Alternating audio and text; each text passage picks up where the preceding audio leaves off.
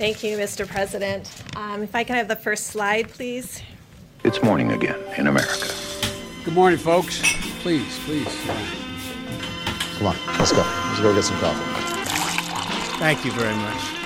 Det er onsdag 1. april. Biden velger Sanders som visepresidentkandidat. Koronaviruset har kredd flere menneskeliv i USA enn 9-11, og morgenkaffen er servert.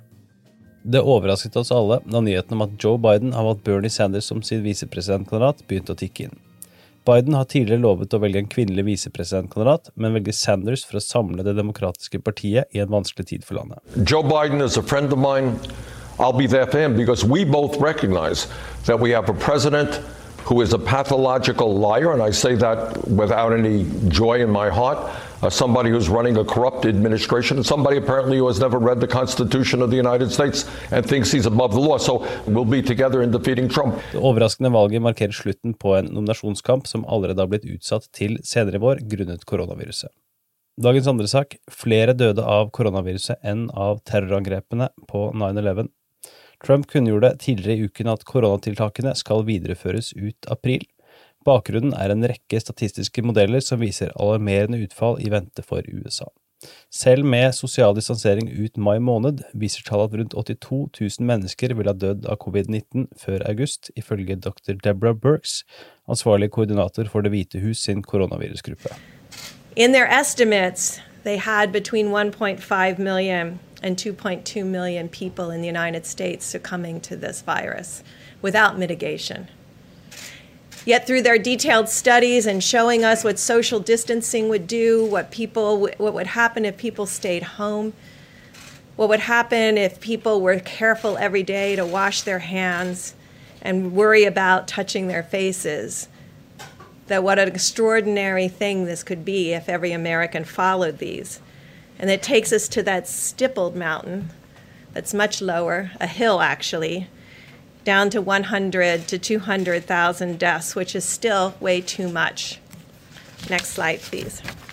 Modellene viser også at det potensielt kan dø 2000 mennesker daglig i midten av april, som er regnet være den perioden viruset rammer landet hardest.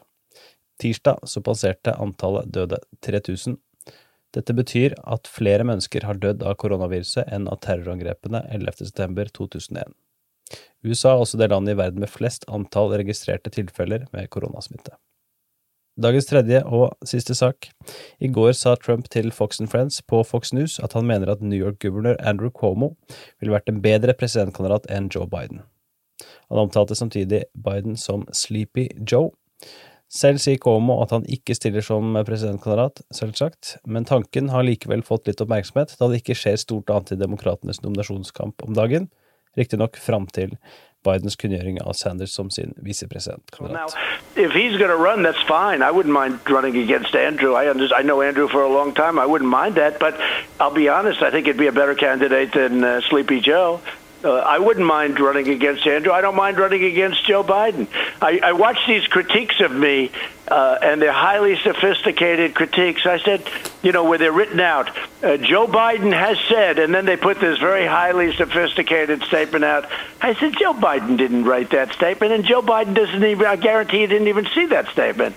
So, no, I think probably Andrew would be better. I'm telling you right now, you know, I want somebody at this country that that's going to do a great job. And I hope I'm going to win. And the polls say I'm going to win. Now it's every poll says I'm going to win because you know you say he's gotten good marks, but I've gotten great marks. Dagens utgave av Målkaffen er servert av Ingrid Sofie Stangeby Wendsel og undertegnede Are Togoflaten.